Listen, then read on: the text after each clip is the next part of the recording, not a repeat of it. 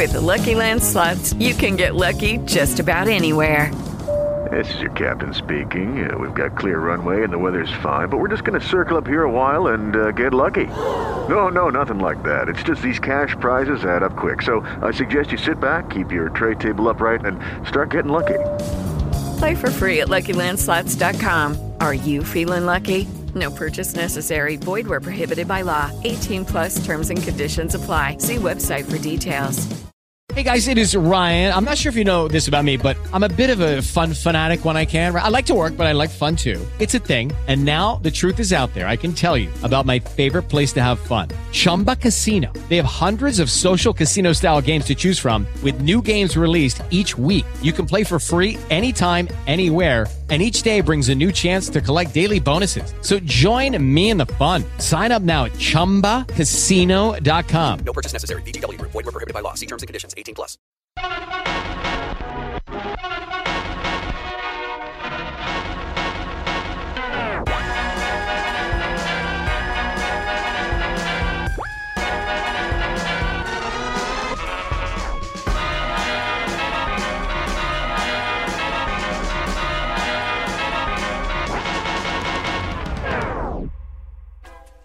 Welcome to Doing It with Mike Sacks and Rob. On today's bonus episode, Mike talks with one of his favorite illustrators and comic book minds, Drew Friedman.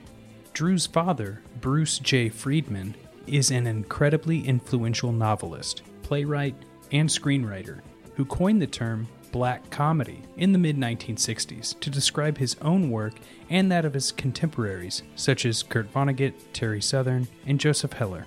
Bruce's Harry Town stories and his many books, including Stern and Collected Fictions, were major influences on Woody Allen, Steve Martin, and many other contemporary comedy writers. Drew, with his brother Josh Alan Friedman, co wrote two amazing books in the 1980s and the 1990s. Any similarity to persons living or dead is purely coincidental, and warts and all. Over the years, Drew has drawn for Mad Magazine, The New York Times, The American Bystander, Raw, The Village Voice, and more. He also illustrated Mike's first professionally written piece for Mad Magazine in 1999, which Mike was forced to write under the pseudonym J. Michael Shade. True story, but better left for another time. Drew's latest book, Chosen People, will be published by Fantagraphics on December 7th. In the meantime, Drew will appear this Wednesday, November 15th, 2017, at the Strand in New York, and on December 2nd at Book Soup in LA with comedy genius Merrill Markoe. Drew and Mike recently talked by phone.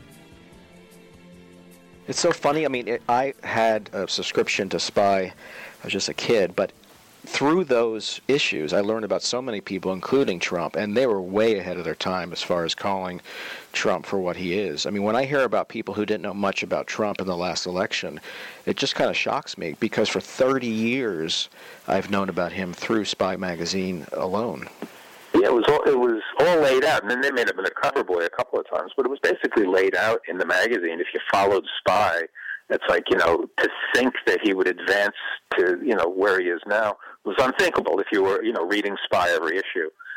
You know what they were, you know where you know between Kurt and between Kurt Andersen and uh, his editorials and and you know what they were doing, and then I was involved in that in a small way, drawing my cartoons for them, and I drew I've drawn Trump over the years for Mad, and for you know for Time Magazine, for the Observer, a bunch of covers I've done for him. But you know, it was just innocuous stuff. It was like you know, okay, he's a sleazy guy with women, and he's like you know his his real estate maneuvers are, are not on the up and up. But you know, beyond that, it was like uh, you know, it seemed like he was just going to fade. Of course. So, you know, the rest is history. One of my favorite all time pieces, I remember cutting this out of the magazine and keeping it, was Bruce Handy's article about the day the clown cried. Um, mm-hmm. You did the illustration for that. Yeah. And it was it was a shocking uh, illustration. I remember as a kid being shocked by it, and then later I became friendly with Bruce, and he he's quoted as saying that um, it was almost too realistic. That with Jerry wearing his pinky ring, the slick back hair, in the crematorium uh, in the death center was almost too spot on.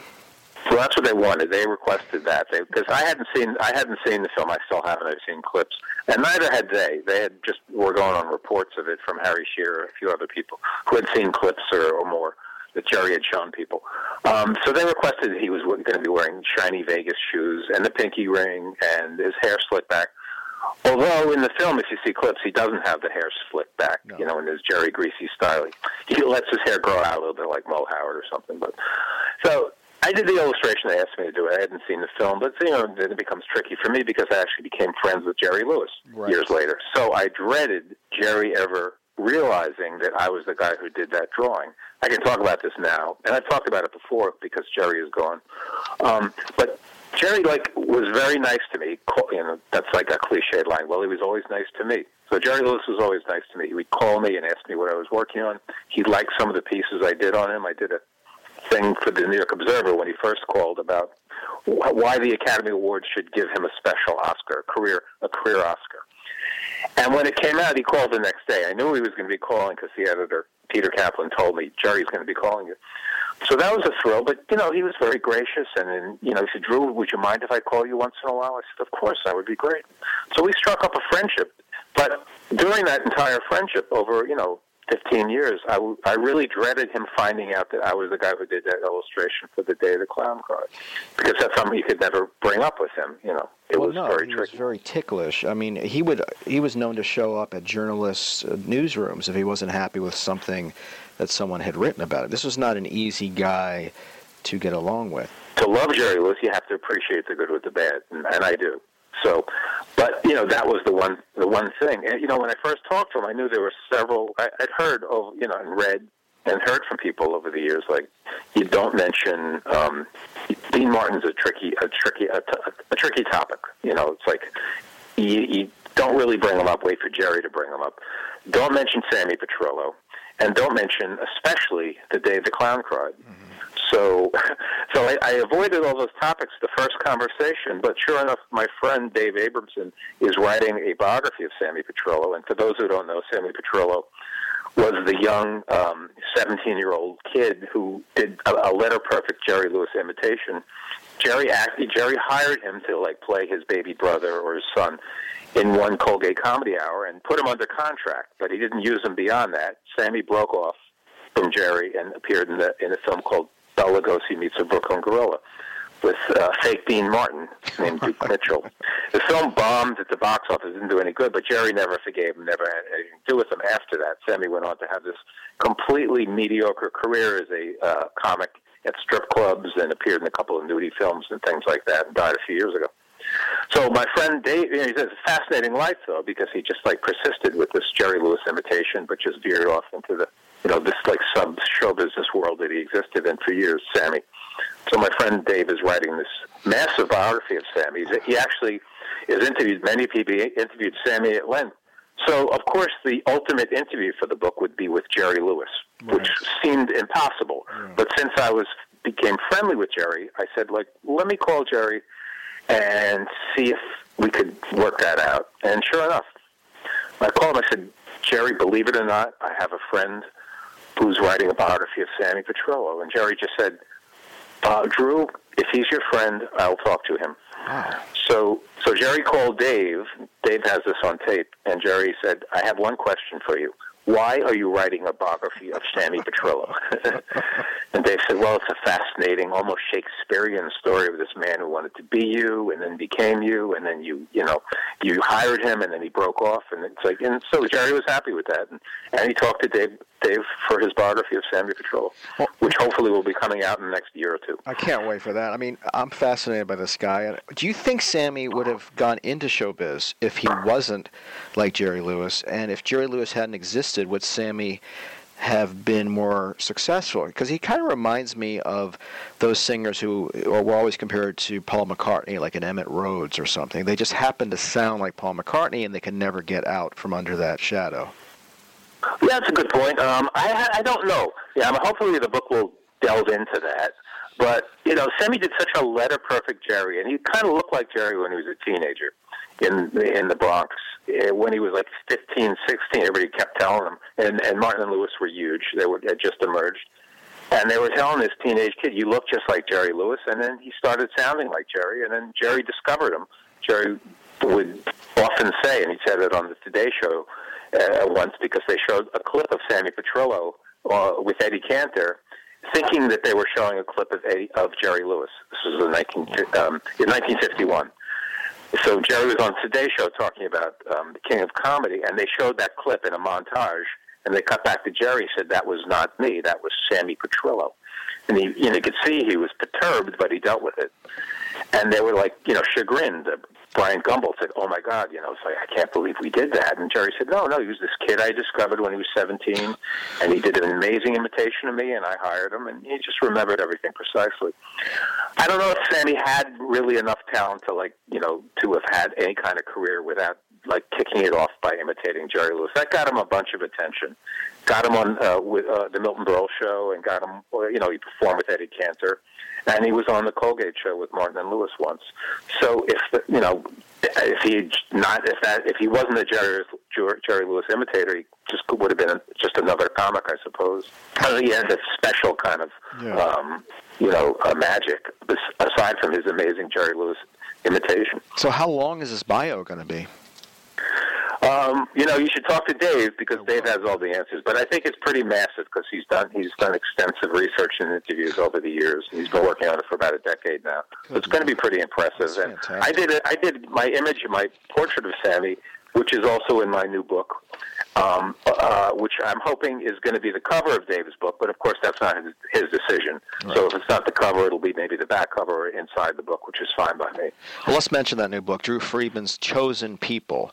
Uh, fantastic book, like all of your books. Um, just as, as a recently published, you are actually going out on a reading tour. You're going to be at Book Soup in Los Angeles on December 2nd with the great Merrill Markoe, and November 15th at the Strand in, in New York City. So that's right. Let's talk more of a more of a shtick uh, tour, not a reading tour. Oh, know. okay. There's the uh, We'll be we'll be doing we'll be doing shtick. You know, there's nothing to read necessarily. It's it's a it's a it's a picture book. So we'll be holding it up and showing it to people. What will the audience expect as far as shtick? I think uh, you know I'm doing the signing. Uh, it's a signing. It's a discussion signing with Frank Santopadre, who co-hosts the Gilbert Gottfried podcast. That's at the Strand on the 15th. So we're going to just talk about a lot of the people in the book, including um, Gilbert, who's in the book, and Shemp Howard, and Muddy Waters on the cover. It's it's a mix. It's my it's the book is Drew Friedman's chosen people, but it's not all Jewish people. It's not all Jews. So I want to make that clear. Um, no, so I have Mu- I have Muddy Waters on the cover to make that clear because um, you know I've done other books where, where it's only been Jews, Jewish comedians. Um, so this is a mix of um, people I chose to draw. Even though uh, a bunch of them are assignments. Well, that's one of the things that fascinated me as a kid, stumbling across your work, is, you know, everyone, not everyone, a lot of illustrators are obsessed with youth and beauty, even uh, old time Hollywood. But you always went uh, after those who fascinated you, people I had never even heard of. I mean, not even C-listers. Um, what? I mean, does this go back to you uh, for your childhood? Back to your childhood when you were when you were interested in these in these B movies and, and these stars that were sort of on the fade. I suppose, yeah. You know, it does date back to that. I was fascinated by by uh, Tor Johnson. You know, who was the big bald zombie who was in the Ed Wood films, and and the more obscure comedians and Shemp Howard rather than Curly, the obvious choices. Like trying to avoid the obvious choices. And as far as drawing movie actors, it's like, you know, I love Humphrey Bogart and Marilyn Monroe and Clark Gable, but you know, how many times can you, you know, render them or you know, present them? It's like it's just it was more interesting to me to present the more obscure obscure people in my work and early comic strips and a lot I did with Josh and in my own work, and then you know, and of course, with assignments, you know, you don't get to pick and choose. So I've done a lot of political stuff over the years for magazines and contemporary show business people, and you know. But I always go back to the, you know, the more obscure, the uh, more maybe I don't know if they're maligned, but you know, just kind of ignored and obscured, and like you know, people that most people uh, wouldn't care about, but there are people who do care about them, and including me, and you know, a lot of people who seem to like what I do. Well, let's talk about some of that early work, if you're willing to talk about it with Josh. Uh, one of the earliest works you did together was a uh, Mayberry strip with a black man having the unlucky misfortune of wandering into Mayberry and paying the price for it. And I remember seeing this as a kid. I'd never seen anything quite like it. I mean, it was as black as black comedy could get, a, a phrase that your father coined. But how did that come about? What Did how did it come about that you were, you started working with your brother? Was that a mutual decision, or was that? It was just sort of evolved. Like I was going to school of visual arts at the time, and, and interested in, and and I had Harvey Kurtzman as an instructor, and Art Spiegelman and Will Eisner. So you know that's the direction I was heading in, and I wanted to be a mad. I wanted to be first a mad contributor when I was a kid, and then I wanted to be a National Lampoon contributor, and also an underground cartoonist because you know I was obsessed with the work of Robert Crumb and a lot of those those guys. You know, um, the edgier stuff. So I was we were head, I was heading in that direction. I hadn't done any comics, but Josh Josh wrote this script out of the blue, um, of uh, uh, Andy Griffith a parody with a a black guy innocently driving into Mayberry. So. You know, we watched the Andy Griffith show back in the '60s. There were never any, you know, took place in the South, not the deep, deep South, but you know, North Carolina. There were never any blacks on that show. No. Someone did some research years later and said, okay, there's three, uh, you can see three black people in some of the later episodes in the background, like standing around. There's a black, there's like two black women, and there's one like light-skinned black guy. But there were never any black guest stars, or never, certainly never any black residents of Mayberry. So it was a simple, uh, uh, a simple but I, but brilliant concept. Like, okay, let's just have a, an innocent black guy. So Josh wrote that, and I, I loved it. I, I thought it was a great script, and I sat down um, and I did a pencil, a pencil drawings, which I still have, and I've never, they've never been published. And I wasn't happy with it, so I just put it. I showed it to Josh. He thought it was fine. I didn't like it. I put it aside, but it nagged at me because it, I thought it was such a bright script. So I returned to it and worked on it over several months.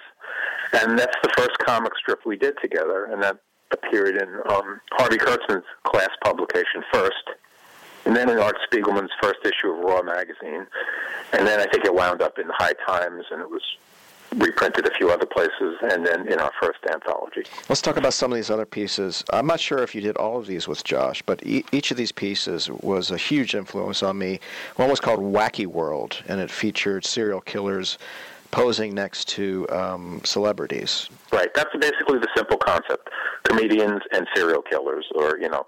So it's Charles Manson and um, uh, I think Bob Hope and uh, and Jerry Lewis looking um, the guy who shot George Wallace. I forget his name offhand. And things like that. Oh, yeah, Richard, Richard, Richards. I think Richard Speck and Mickey Rooney. It was just you know wacky world. They're teaming up. A, you know, so don't ask me what it means. I can't explain it. There- But there it is. Well, I got to say, I mean, it was to me, it's an, a very, it's very American comic strip. I mean, that cannot get more American than Buddy Hackett eating dinner with Ed Gein. Yeah, so that's a good point. You know, it's like you know, it's it's, it's all show business, I suppose. That's the, the, the you know what I was trying to. You know, it's all show business. It's all media. You know, it's like uh, it's all fun. It's all for fun, I suppose. In June uh, 2050, in the year 2050, everyone born in Baltimore will look like Ernest Borgnine, and that has Right. actually come true. That prediction has come true. I don't know if you've been. to I think it is. Recently. yeah. Well, that was a no brainer. That was a no brainer, and that's only it was June 2040, so we're only, we only have um, 23 years to go. See if that prediction comes through. So- but yeah, that was also that was also just by me, and that was uh, the first piece I did for heavy metal. And uh, Abbott and Costello in Rat City. Right.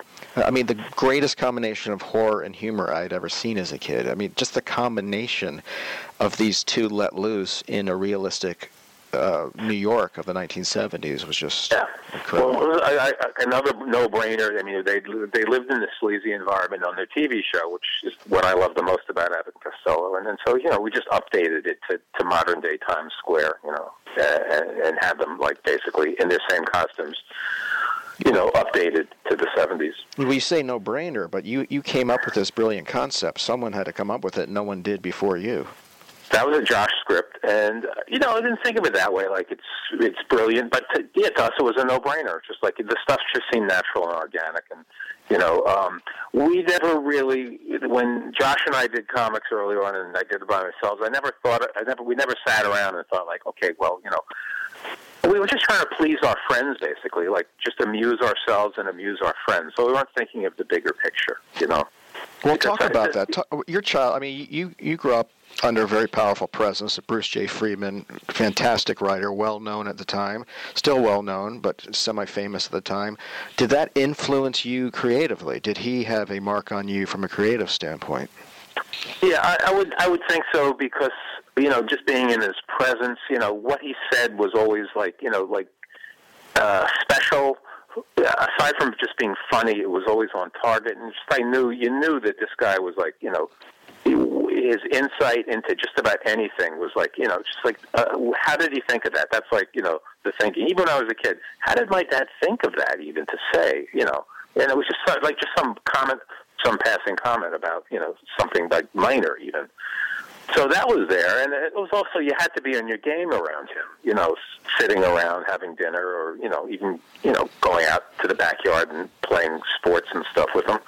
You just had to be on your game, and, and my brothers and I were aware that, and I think Josh and I especially were astute to that. Um, so, uh, also, the, uh, uh, knowing that he he was basically you know he he quit his day job and when he was 36 he was a magazine editor and then he was just working on his own work at home and that stuck with me. I wanted to you know I couldn't imagine just going out and getting a job or working elsewhere aside from my home. So I haven't um, but but that's that to my to my mind that's what you do it's like you stay home and you, you just do your work and you know like that um, Stir Crazy, Doctor Detroit, Splash, The Lonely Guy. I mean, this guy. If you're into comedy, he was really uh, he's he's at the top of the charts. I mean, he's as good as you can get. Well, that's very nice of you. Let me clarify. Um, you mentioned Dr. Detroit. He did not write Dr. Detroit. You know how it works in Hollywood. His name is on that movie. There's not one word of dialogue that he wrote in that on that film. Stir Crazy contains, I think, one sentence that he wrote, um, although he has the full credit for the film. That's how Hollywood works. The Lonely Guy was based on his his book, The Lonely Guy's Book of Life, um, and um, you know, but he he that was adapted by Neil Simon, and then the guys from Mary Tyler Moore Show, Ed Weinberger and Stan Daniels did the screenplay. It was like hit or miss. It had some laughs, but but he's lucked out. You know, Splash was a big hit, and Stir Crazy was a big hit, so he's had success in Hollywood. But that's how it works. It's like you know, again, Doctor Detroit was one of the most uh, horrific films I've ever seen in my life. I couldn't believe how awful it was, and it was based on a brilliant screenplay that he wrote um, that that they that they just they mangled. Um, and Dan Aykroyd was to blame, but you know everybody around that film. It was based on a brilliant screenplay called Detroit Abe about this Jewish guy who becomes somehow becomes a pimp. Um, and but it just became one of the worst films ever. Well, he's responsible, not your father, but Dan Aykroyd for fucking up a lot of movies. I mean, he's been some of the worst movies ever made. Yeah, in fact, I once did a parody of him for Spy Magazine, where he's like, um, he has two boxes in front of him of scripts. One one box is has a, a huge stack of scripts, and the other box is completely empty. And the the, the box with the huge stack of scripts has a sign saying uh, accepted, and the box with no scripts says rejected. So he'll, he would just take any piece of shit. The, the disappointing part about him is because he was so brilliant when he was on SNL back in the 70s, so promising. It's like, where did he come up with that? He was just low key, but he was just so brilliant. And then, you know, so that that's the big disappointment in a guy like him. It's like, what the what happened? I understand what happened. He you know he went for the money and. And you know, so that's his legacy. Well, was your father? I mean, it, it's a it's an up and down career when you're a writer. Did he have?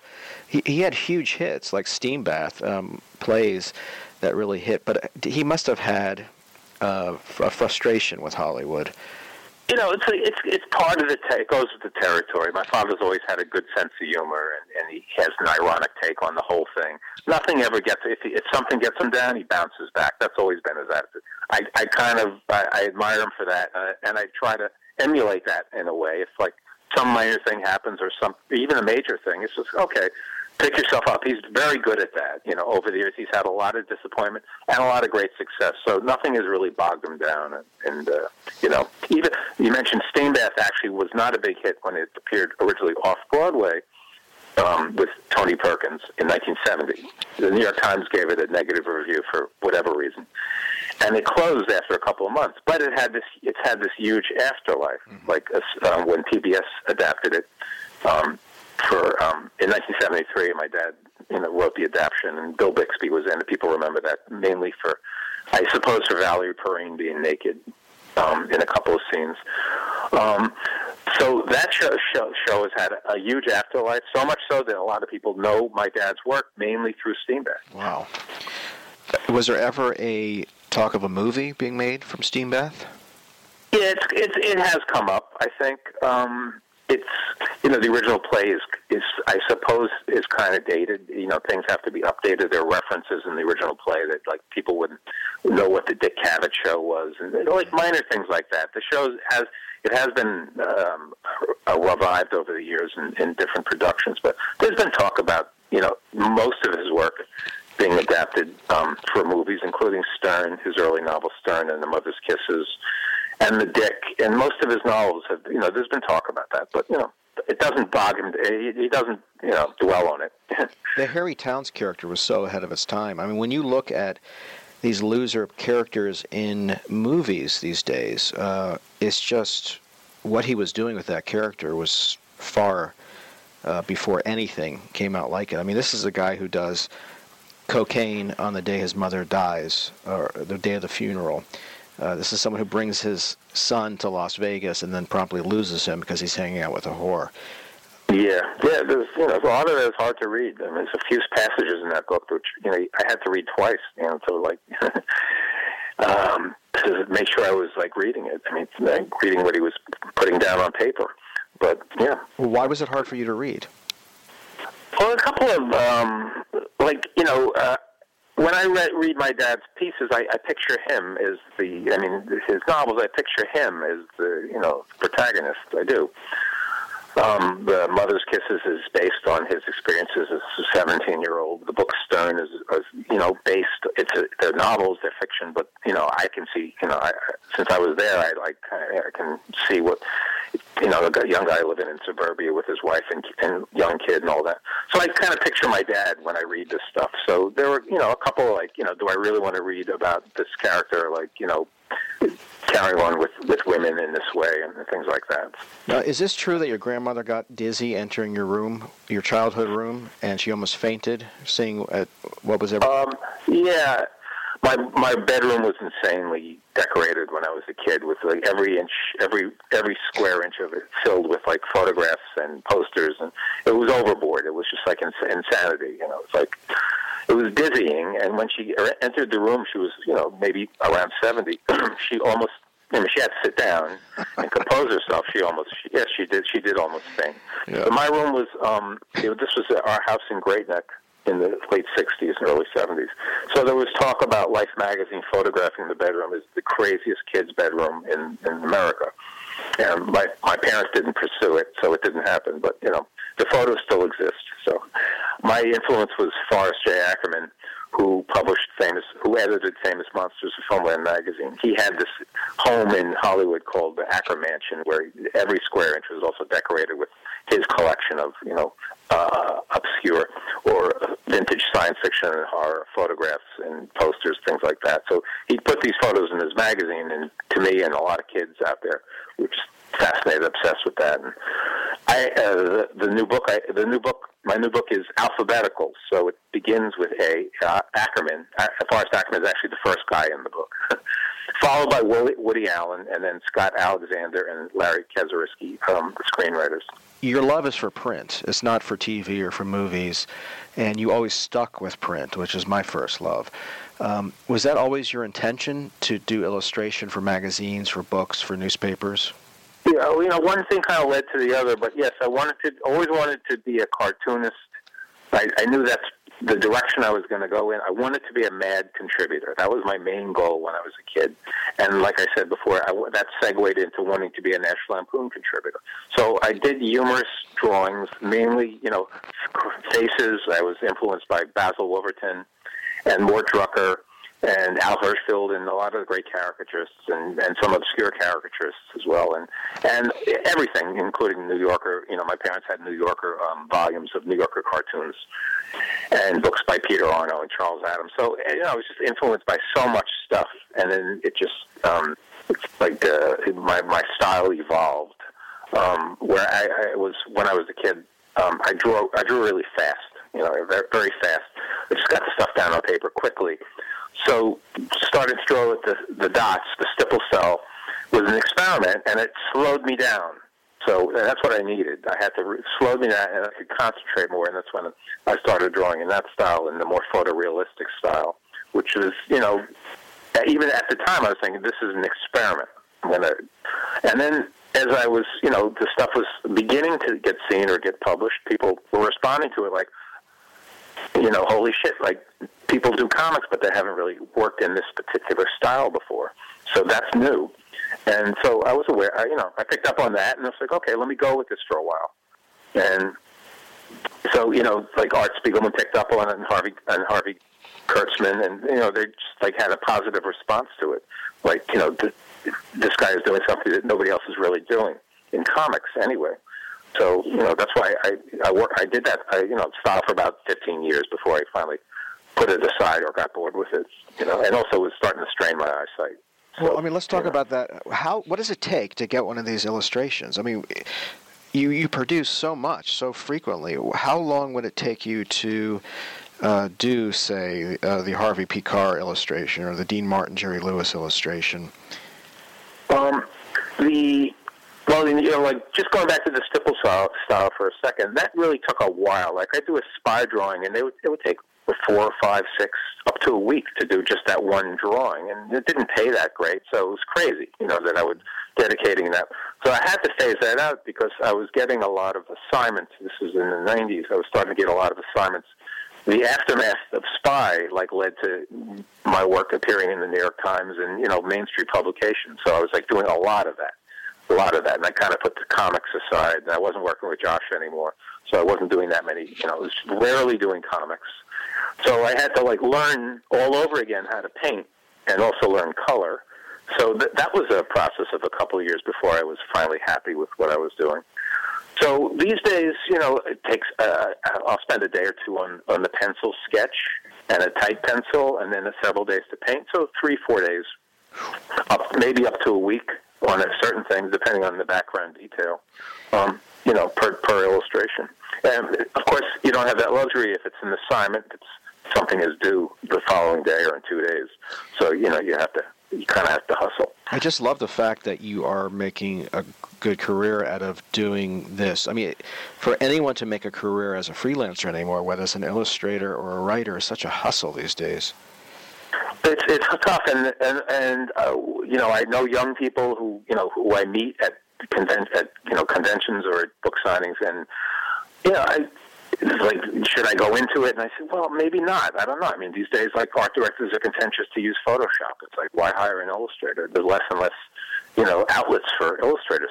So I don't even think of myself as a freelancer anymore. I basically do what I want to do. I do work for my books, my uh, Jewish comedian books, and uh, I did a book on sideshow freaks, and then two volumes on heroes of the comics, of, on um, people who were the early uh, pioneers of comic books. You know, the uh, editors and writers and artists who worked in that world of comic books. So I did 200 illustrations for those two books, and now this latest book, or you know, it's a collection of uh, portraits I've done over the last decade or so. Um, some that ran on the cover of the New York Observer, and then others I just did specifically for this book, and others I've done for prints and, and other publications. For who has sued you over the years? I know Jim Nabors wasn't happy with, with one of your. There was talk. There was talk briefly that Jim Nabors was unhappy, was thinking about suing. I think he was either talked out of it or just was never going to happen in the first place. The only guy who ever sued me was Joe Franklin. Ah, the great Joe Franklin. And this was the mid 80s, 1985, over one comic strip called The Incredible Shrinking Joe Franklin, which was a fairly, you know, tame comic strip. It was about him shrinking. Josh and I had done some, you know, some kind of some strong stuff about him earlier on, his life story, and some, you know, uh, earlier on. He didn't sue over that. He sued over the one where he's shrinking. He's very sensitive about his height, obviously. But he also sued the National Lampoon Company. So I think whoever talked him into suing said, like, well, you know, you sued the National Lampoon, you're going to make a lot of money. What they forgot was the National Lampoon was a satire magazine, right. and he's suing. He was suing over a piece, a satire piece.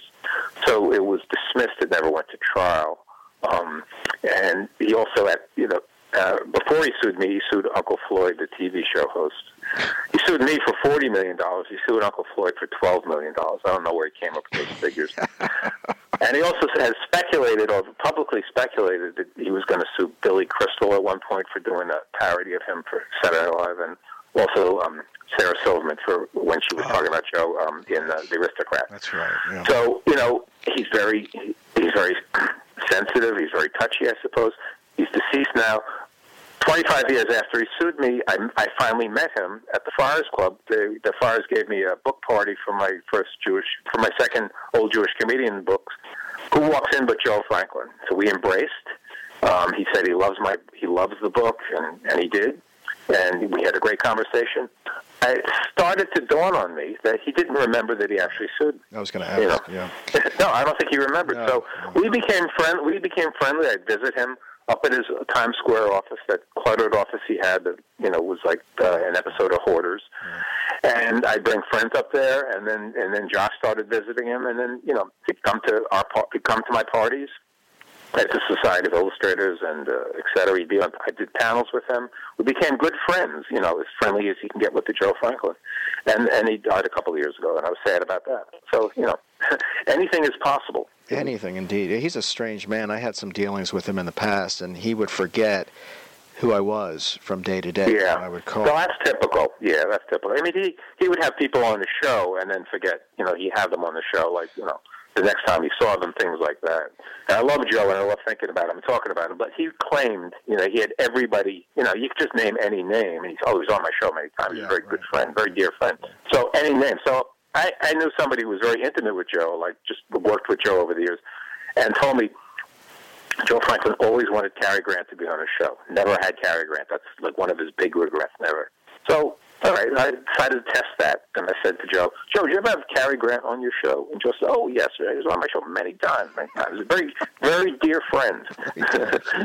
so that became kind of a joke, because like I would mention anybody, like, well, did you have JFK on your show? Oh, yeah, many times. Very dear friend. Did you have Joe DeRita on your show? Oh, yeah, very dear friend.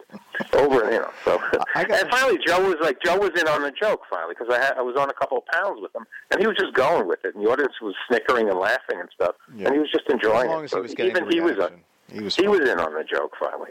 What I loved about him too was he would never return his calls. He had his staff, uh, phones ringing, real busy. I mean, it sounded like a really busy office. I don't know what was going on in there. And he would always get on the phone after an assistant got through to me. I asked him for some old time comedy writers to interview for my first book, and he had a lot of promises. And then he eventually got me a list, all of whom were dead. So I got back Yeah. to him. I said, "Listen, I, um, can I have some writers who are alive? He said, Oh, you need alive writers. I said, Yeah, Uh. people I need to interview. Never heard from him again. Well, it's classic Joe. You know, he had he always had a one or, or a particular flunky in his in his private office picking up the phone. He didn't. He didn't. Although he's always posing uh, on the phone. If you look at photos of him, he's always picking up the phone. 'cause, you know, that's what important people do. They they talk on the phone. So, and if he did happen to pick up the phone or they put him on, he would say, uh, "Call me back on call me back on Tuesday. I'll have good news for you." That was like a standard line. Right, call me back next yeah. Tuesday. I'll have good news for you then. I'll you know, it's like just blow you off. But then, you know, it's like, you know, somebody actually famous was calling. You know, he would pick up. It's like, uh, you know, but he had, it has to be screened. Who, who is this? Who is this? What, what do they do? Well, it's Bill Cosby. He's a comedian. Oh, okay, all right, put him on. But it was Things such like a that. show. I mean, all that. Uh, who would work as his flunky to just sit there and answer calls? You know, it's like in in his way, Joe was a legendary a legendary guy. I mean, he was he you know he didn't need to like tell tall tales about who was on the show because he had a lot of legendary people on the show over the years. You know, um, uh, John uh, Yoko was on the show, not John. Well, he had Yoko on his show. This is an example. One time when she was promoting her book Grapefruit in like 1970, 71. So Joe turned that into, oh, I've had John Lennon on my show 40 times, 40 times yeah, yeah. you know, like that. So then the, he had um, he once when he was on Gilbert Gottfried's podcast, he said, um, "Yeah, I had uh, James Dean and Al Pacino on my show, 1952." and so they were like, "Oh, really? Wow, that's amazing." Said, yeah, yeah, 1950. So, you know, after the show, they said, Frank Santopadre said, "Wait a minute." 1952. Yeah. Let me let me just do some research here. So, okay, 1952, James Dean would have been in his early 20s. He was still working as a New York actor. But Al Pacino would have been 11. Right. Why would a, how could an 11-year-old Al Pacino have been? You know, maybe he was a kid actor. So, but what was the likelihood that Al Pacino would have been? You know, Nothing. But so, so this is like you know, it's just like that's that's Joe. Yeah. Uh, you know, I mean, talk about a, a link to the past that doesn't exist anymore. You know, God bless that guy. Well, like I said, I loved visiting his office. It was like you know, I, and I miss it. You know, it was like in, on 43rd Street and Faith Avenue, and it was just like one of the last you know, it's like when after he died, I said, "Part of New York has died with Yeah, Joe Franklin." yeah, yeah. It's like things are not going to be the same. Just another chink in you know in the the, the end of the uh, New York that we loved. Um, so I do miss him. You know, it was like, but you know, you have yeah, it, it, it, it was good to have a sense of humor about him anyway. So one of the people you talked about that I'm obsessed with on um, uh, the podcast recently uh, is Andy Devine. Now you you you mentioned that there was an uh, an urban legend or a rumor that he was more than good friends with a famous actor.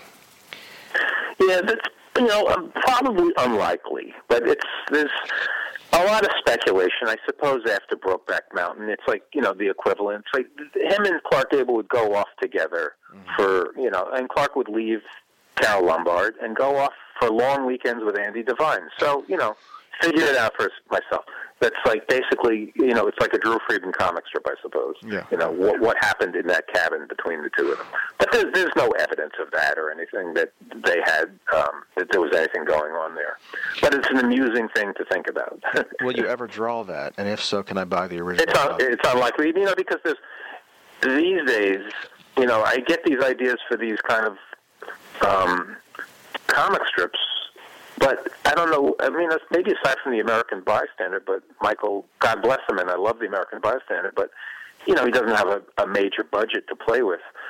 So I get these ideas, and um, and my thinking, it's not like the old days where you had National Lampoon or Robert Crumb's Weirdo magazine or Heavy Metal or or Raw or, or um, so many, you know, just so many outlets, and they just don't exist anymore. And I'm just not interested in doing work that's just going to wind, just going to be uh, online, and that's it. And you know, I've had a few offers to do stuff like that, and and the money's decent, but that's just it doesn't appeal to me. Like we, like you mentioned earlier, I really I love print, and I'm going to die out with print. It's like I want the stuff to be in print. Well, where like do you I see love it books. going? Do you see it disappearing completely, or having some sort No, of probably not. I mean, there's talk about that. I don't see that. I don't see it disappearing completely. But you know, little by little, it's like these publications are ending. You know, you know, I um, when I was on the Gilbert podcast a few weeks ago, I, you know, I, I helped them with the introduction. So the introduction began like Drew Friedman has appeared in um, in Weirdo, in Raw, National Lampoon, Heavy Metal,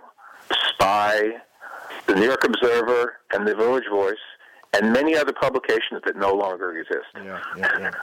Well, it, it occurred to me that I've been in some of those, like National Lampoon, the, the shit years. Uh, a lot of these places that one could freelance, even 20 years ago, or just, I mean, you might as well be talking about the 18th century now. Yeah, that that whole world is gone. It's like so. If you want to, you know, if you want to see your work, I mean, Fantagraphics still publishes, uh, you know, tons and tons of books and, and a lot of great stuff. And you know, so if that's your thinking, if you want to publish, you know, if you want to do a graphic novel and or comics, and um, I mean, there's outlets out there. But as far as magazines, you know, I don't know if that's good or bad. But to my mind, um, unless you're Barry Blitt, doing covers for the New Yorker, it's just it's just not really much of a career you can have in that world.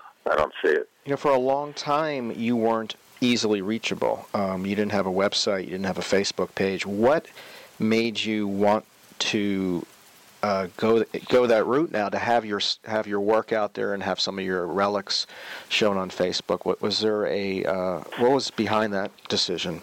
Um, Facebook, I resisted at the beginning, and then just a couple of friends said, like, look, you know, it just explained it to me. This is, you know, nine years ago. I think I've been on Facebook now, so it's like, um, you, you can it, Facebook can be whatever you want it to be. You know, you can go on there and have two friends, or you can go on there and have five thousand friends, or you can do what you want. So, like, I realized, like, soon after that, you know, it's just a great way to promote your work and promote public events. If I wasn't doing that, I'm not even sure I'd be on Facebook because they, you know, they, I basically follow maybe about 20 people. Um, you know, I'm out, there's about maybe 20 people, I'm inter- including you, that I'm interested in.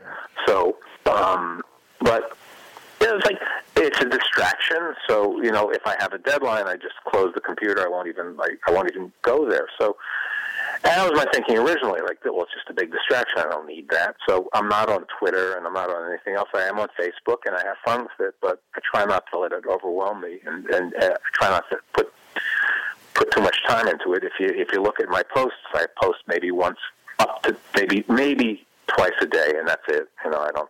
And I have other friends who obsessively all day long are posting and, and putting up things, and that just doesn't interest me. So I have a print site, mm-hmm. and it's just drewfriedman.net. It's a, I don't have a website. It's a, it's a site for my prints, drewfriedman.net, um, and it's like um, uh, the Muddy Waters image that's on the cover of my book is uh, sold as a print. It's actually sold out, but um, I release a few prints every year. So there's about I think about 50 prints on that site. So, all right, your new book is fantastic, as with all the other books. Drew Friedman's Chosen People, forward by Merrill Markoe. Um, you are going on, well, not tour, you're going to do some shtick November 15th at the Strand and December 2nd at Book Soup with Merrill in Los Angeles. Drew Friedman, thank you so much. Huge fan of yours. I think you're brilliant, and I love what you're doing. Just keep on going strong. Thank you, Mike. All right, I'll talk to you soon. What are you doing? What? What? What are you doing? Come on in here and spank, spank, spank the monkey, big boy. That's pretty cute, you know. what are you doing? Help, Dookie, get me out of here! Help, Dookie! Dookie, get me out of here!